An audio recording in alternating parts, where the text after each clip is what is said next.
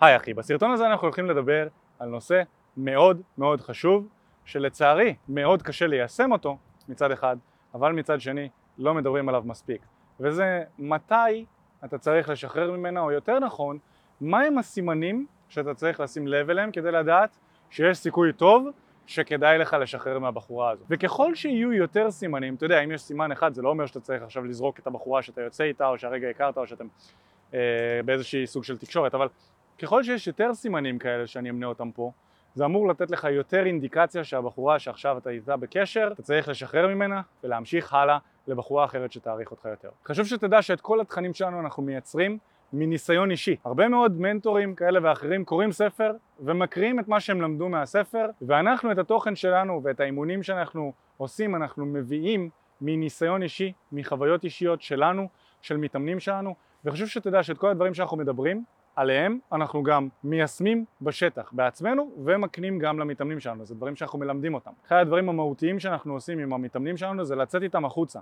להתחיל איתם עם נשים ביחד, לעזור להם לקחת שליטה על חיי ה dating שלהם דרך זה שהם ניגשים לנשים במציאות והם משתפרים בזה, הם רואים אותנו עושים את זה, הם לומדים איך אנחנו עושים את זה, אנחנו מסתכלים עליהם, עושים את זה ואנחנו מתקנים אותם ועוזרים להם לעשות את זה יותר טוב כדי לגשת בצורה יותר נכונה. אז בעולם שבו כולם בערך מדברים תיאוריות ומדברים דברים שנשמעים טוב וגורמים לך להרגיש טוב, אנחנו נותנים את הטיפים ואת הכלים שהם תכלס נועדו לתת לך תוצאות, זה מה שאנחנו מאמינים בו בתקשורת אמיתית. אז חברים, אחרי שסיימנו עם הפתיח, בואו נזרום לתוכן. הסימן הראשון שכדאי לך לשחרר ממנה זה נשים שלא עומדות במילה שלהן. אם היא לא עומדת במילה שלה פעם אחר פעם, אני מציע לך שתסתכל על זה כנקודה אדומה. אני יכול לתת על זה גם סיפור אישי, אה, התחלתי לצאת אה, לאחרונה עם אה, מישהי חדשה וזה הגיוני שכגבר איכותי אתה תצפה, אתה כמובן לא תגיד לה את זה במילים האלה, אבל אתה תצפה שגם אם היא חיה חיים, נקרא לזה חיים עשירים ויש לה הרבה דברים לעשות והיא עושה הרבה דברים ויש לה הרבה חברים, אתה חשוב לה והיא תשים אותך בתור גבר, בתור פרטנר, לא משנה לאיזה מערכת יחסים, והיא תשים אותך איפשהו במקומות העליונים בחיים שלה והיא תיקח אותך בחשבון. עכשיו, אין בעיה אם היא לא עושה את זה. יכול להיות שאתה עוד לא הבהרת לה מספיק שאתה בחור בעל ערך. אבל כשאתה מתחיל לתפוס את זה שהיא אומרת לך שהיא תעשה דברים והיא לא עושה אותם בסוף, יש פה סימן אדום, דגל אדום שאתה צריך להתחיל לשים לב אליו. לדוגמה, אם היא אומרת לך אני אתקשר אליך אחרי שאני אסיים עם הארוחה ולא מתקשרת, וזה חוזר על עצמו פעם אחר פעם, כמו שלי קרה לצורך העניין, דגל אדום. אם, אתה, אם היא אומרת לך כן, אנחנו נדבר בסופש אה, ואני אקבע איתך אה, לצאת וכזה, למרות שכבר אתם יוצאים תקופה. אוקיי? כאן חשוב להוסיף איזושהי נקודה.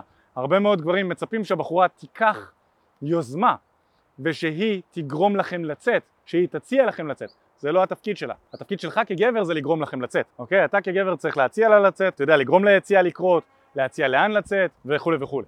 אבל אחרי שכבר יצאתם לתקופה, אחרי ששכבתם, כשמערכת היחסים מקבלת איזושהי צורה, כן מצופה מהבחורה לשים אותך באיזשהו סדר עדיפות עליון כזה או אחר. אם אתה שם לב שזה לא קורה, ולא רק שזה לא קורה, אלא שהיא מפרה את המילה של עצמה, היא לא עומדת בה, יש פה דגל אדום שצריך לצאת, לשים לב אליו.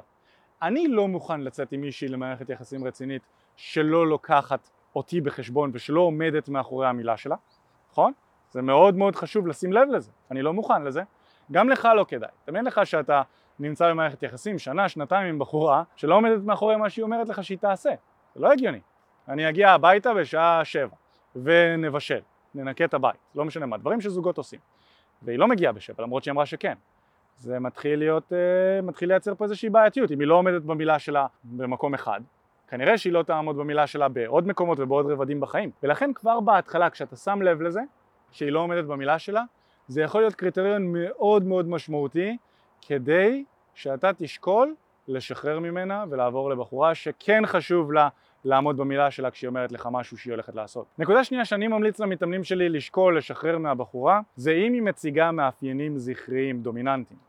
רוב הגברים הם במהות שלהם ביולוגית מתנהגים כמו זכרים ויש להם מאפיינים זכריים. זאת אומרת שהם תחרותיים, יש להם אגו, שהם, אה, אתה יודע, האגו זכרי, הם אה, רוצים ביטחון, הם יותר אסרטיביים, זה מאפיינים זכריים, רוצים לשלוט. זה בסדר כשאתה גבר, כי זה מאפיינים שגם מושכים נשים וגם יעזרו לך כגבר להתקדם.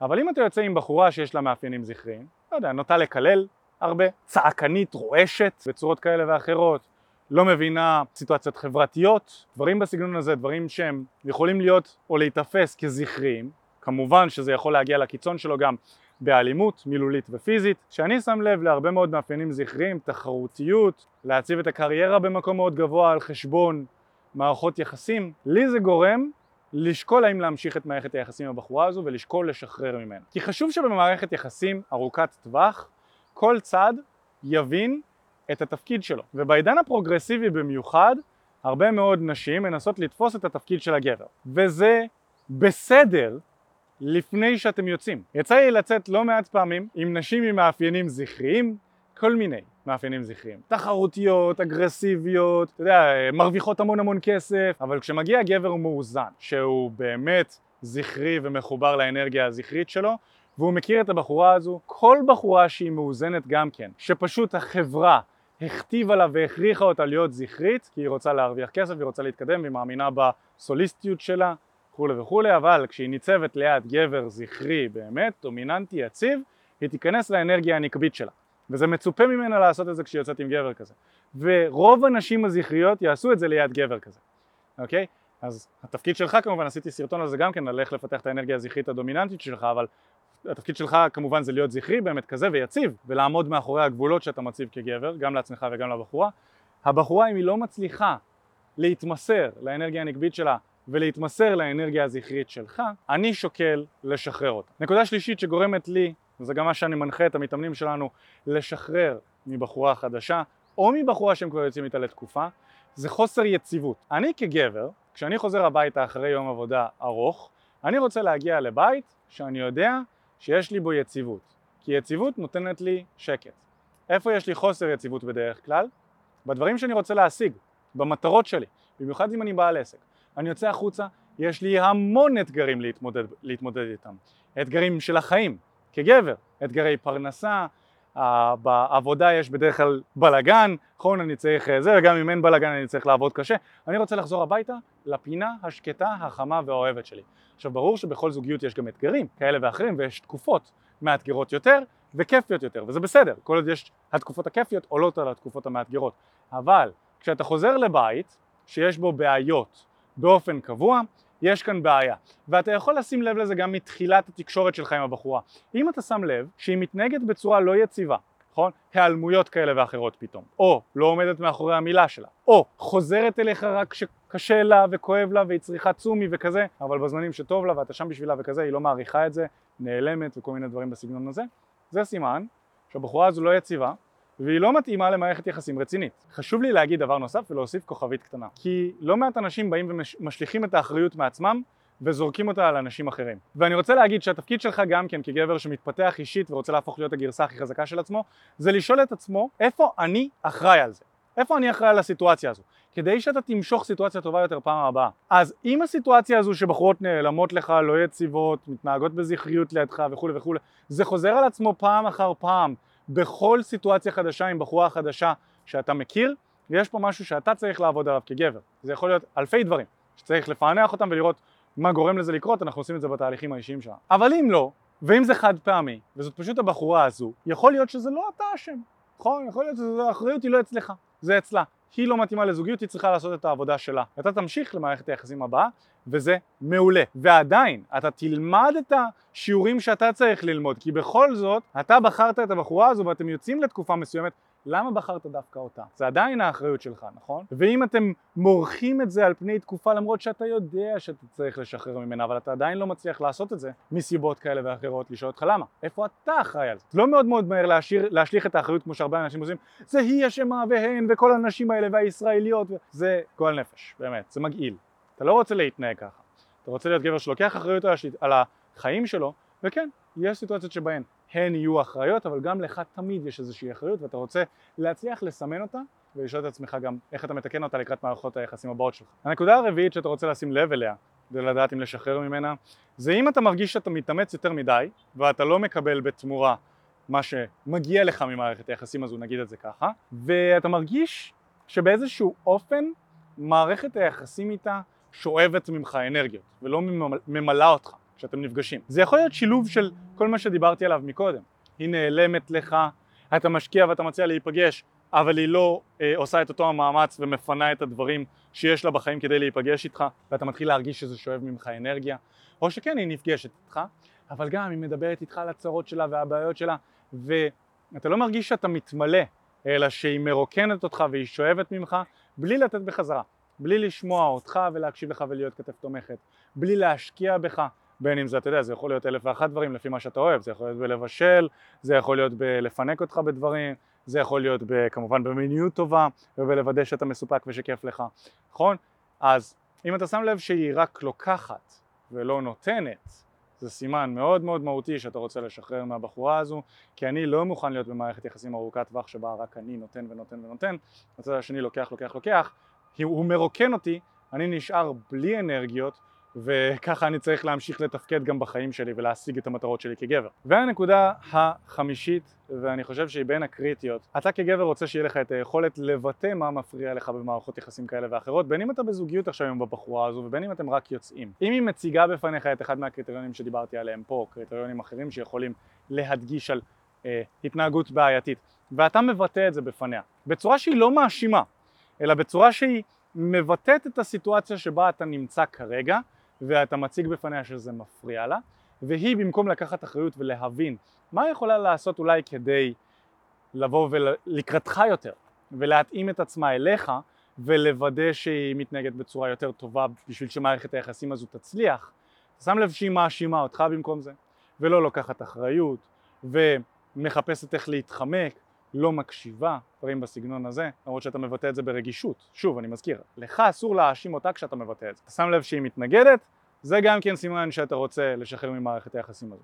לדוגמה, לבוא ולהגיד לה, אם היא לא עושה מאמץ כדי להיפגש איתך לדוגמה, לבוא ולהגיד לה, היי hey, ממי, חשוב לי שנדבר על העניין הזה, מאוד מאוד חשוב לי, אני שם לב שאני כן נמצא כאן ואני מוכן להקדיש מאמץ למערכת היחסים הזו ואני מציע לנו להיפגש וכזה, אבל אני מרגיש שאין מאמץ הדדי מהצד הזה, אני שם לב שלך יש הרבה מאוד דברים ואת עסוקה וכזה, כן חשוב לי שאנחנו נעשה מאמץ הדדי להיפגש יחד. האם זה משהו שאת יכולה לעמוד בו? Okay. אוקיי? משהו בסגנון הזה, זה יכול להיות בהקלטה קולית, זה יכול להיות בשיחת טלפון, זה יכול להיות כמובן בפגישה face to face. שים לב, אתה לא מאשים אותה ואתה אומר לה, את לא באה ומשקיעה בי, את לא מפנה, אני לא מספיק חשוב לך. לא, אני שם לב שזו הסיטואציה, זה מה שאני מרגיש, זה מה שאני צריך ממך, האם את מסוגלת לעמוד בזה, אוקיי? Okay? בלי להאשים. לנסות לדבר בצורה הכי ניטרלית. ואם אתה שם לב שהיא כזה, כן, אני בתקופה לחוצה, אני לא מצליחה, אוקיי, ביי ביי. מפנים את המקום לבחורה הבאה, וגם את זה עושים בכבוד. אז תראי, מאוד מאוד חשוב לי שכשאני יוצא עם מישהי חדשה, היא תתנהג אליי בכבוד שאני מרגיש שאני ראוי אליו, ושהיא גם תיקח חלק ומאמץ במערכת היחסים הזו. אם את לא נמצאת בשלב כזה שאת אה, מסוגלת להתאים את עצמך למערכת יחסים הזו ולהשקיע גם כן, זה בסדר. בואי כל אחד מאיתנו ימשיך לדרכו, ואני מאחל לך המון המון בהצלחה. אז זהו, שיהיה שבוע, שבוע נעים, סופה שניים, משהו בסגנון הזה. ולסיים את זה ככה. עשיתי גם סרטון על איך להיפרד מבחורה, אם זה משהו שמעניין אותך, יש לנו אותו פה בערוץ היוטיוב. ככה אתה מסיים את מערכת היחסים ואת התקשורת בצורה אה, בריאה יחד עם בחורה. יכול להיות שהיא תבוא ותקטר וכזה, ביי, אתה ממשיך, אתה נשאר מאחורי מה שאמרת לה כזכר. אם היא אומרת לך, אם היא מתחילה לפחד לאבד אותך, והיא אומרת רגע רגע רגע לפני שאתה הולך שנייה לא לא התכוונתי אני מוכנה להתאמץ. זה סימן שיש פה בן אדם עם חומר גלם בסיסי שאפשר לעבוד איתו נכון? אז uh, אתה לא רוצה לאיים לעזוב כל פעם. זה כמובן רק אם היא לא מוכנה לעשות את העבודה. אבל אם היא מוכנה לעשות את העבודה ולהישאר וכזה אתה ממש לא רוצה לאיים ללכת. זה דבר גרוע לעשות. אנחנו עושים את זה רק כשאנחנו באמת מתכוונים לזה וכשניסינו את כל הדרכים האחרות, אוקיי? עכשיו ככל שיש יותר קריטריונים כמו שאמרתי מקודם, ככל שיותר מהם מצטברים, ככה הסיכוי שכדאי לך לשחרר מהבחורה הזו גובר. אחד הדברים שהכי מפחידים גברים לשחרר מנשים, וזו אחת הסיבות שיכול להיות שאתה נמרח במערכת היחסים הזו פעם אחר פעם, גם איתה וגם עם נשים מהעבר, שקשה לך מאוד לשחרר מנשים, זה בגלל שהם מפחדים לחזור לחיי הרווקות.